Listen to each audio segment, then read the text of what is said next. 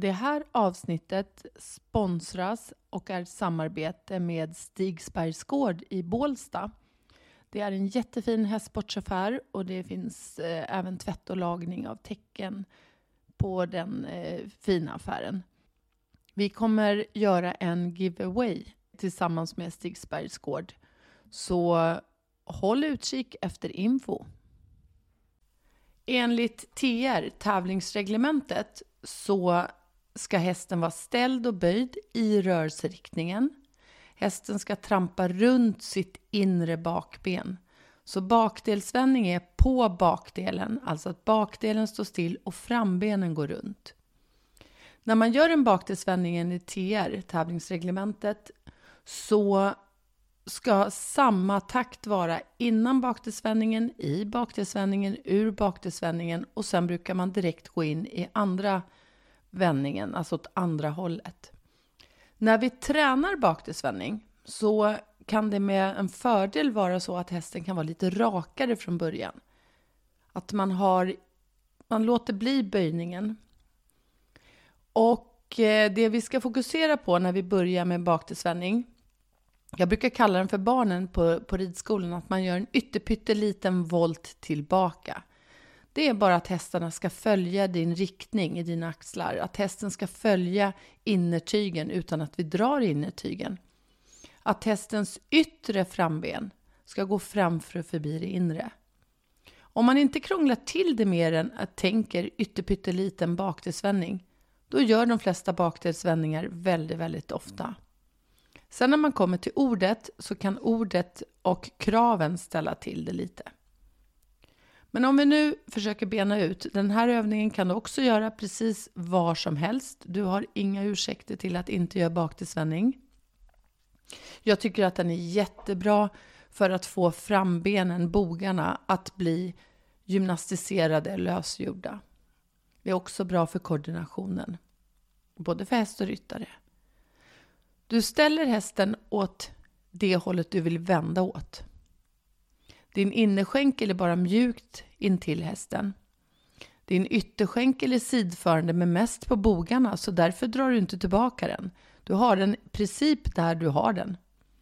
Och sen är det din ytteraxel och yttertygel som tillsammans med att du gör en vridning i axelpartiet, bröstkorgen, får hästen att vända. Så ytterskänkel, bestämmer att hästen ska vända och yttertyget bekräftar att hästen får vända. Håller du emot för mycket yttertygen, då, då kommer hästen inte kunna trampa framför och förbi med frambenen och då börjar den ofta börja, gå åt sidan med bakbenen istället. Och då blir själva bakdelsvändningen för stor därför bakdelen är innanför. Gör man det i dressyren så brukar vi kalla det för på ett voltspår för arbetspiruett. Att vi har bakdelen lite innanför. Men vill du vända runt i en bakdelsvändning då måste du se till att du har jämnt stöd på två tyglar och erbjuder hästen att vända med framdelen först.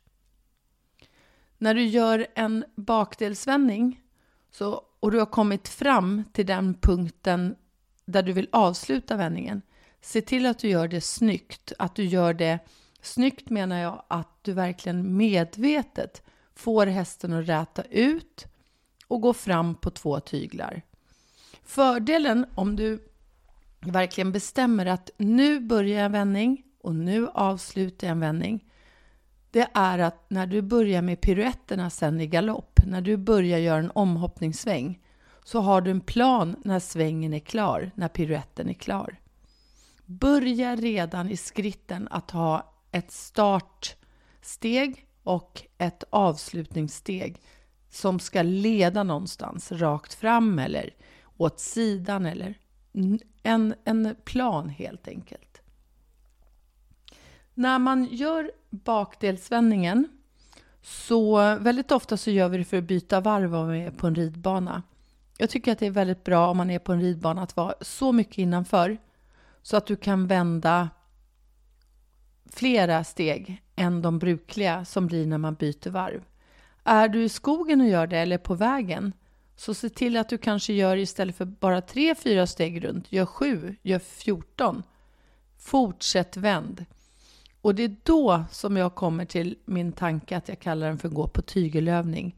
När du vänder och vänder och vänder utan att öka någon hjälp. Börja inte skrik med skänken. Börja inte tryck hårdare.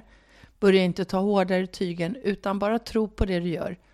Men om din häst reagerar på att den inte tycker att det är bekvämt längre så kanske du har ibland lite för mycket inner eller yttertygel, ibland lite för mycket skänkel.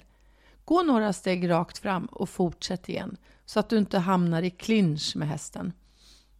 Utan lita på din känsla. Börjar det bli för jobbigt och du börjar använda för hårda hjälper, räta ut, gå fram, gör om igen.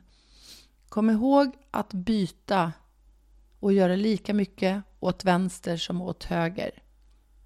Är du högerhänt, se till när du vänder åt ditt starka handhåll, alltså höger, att din högerhand är kvar eh, i normalläge, att den inte går bakåt. Är du vänsterhänt får du passa vänsterhanden. För det är jättelätt när vi gör ett ställande tygetag i vår starka hand att det tygettaget blir hårdare och lite för mycket bakåt. Då kommer du behöva passa med mer ytterskänkel. Och istället för att lägga på mer skänkel, se till att du är kvickare i handen.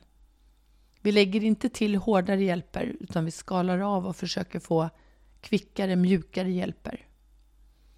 Bakdelsvändningen, eh, när man tränar en hopphäst så kan den absolut få vara rakare. Bakdelsvändningen är ju på något sätt början till en omhoppningssväng. Vi har jämnt tryck på två tyglar och vänder hästen runt och rider framåt ur sväng.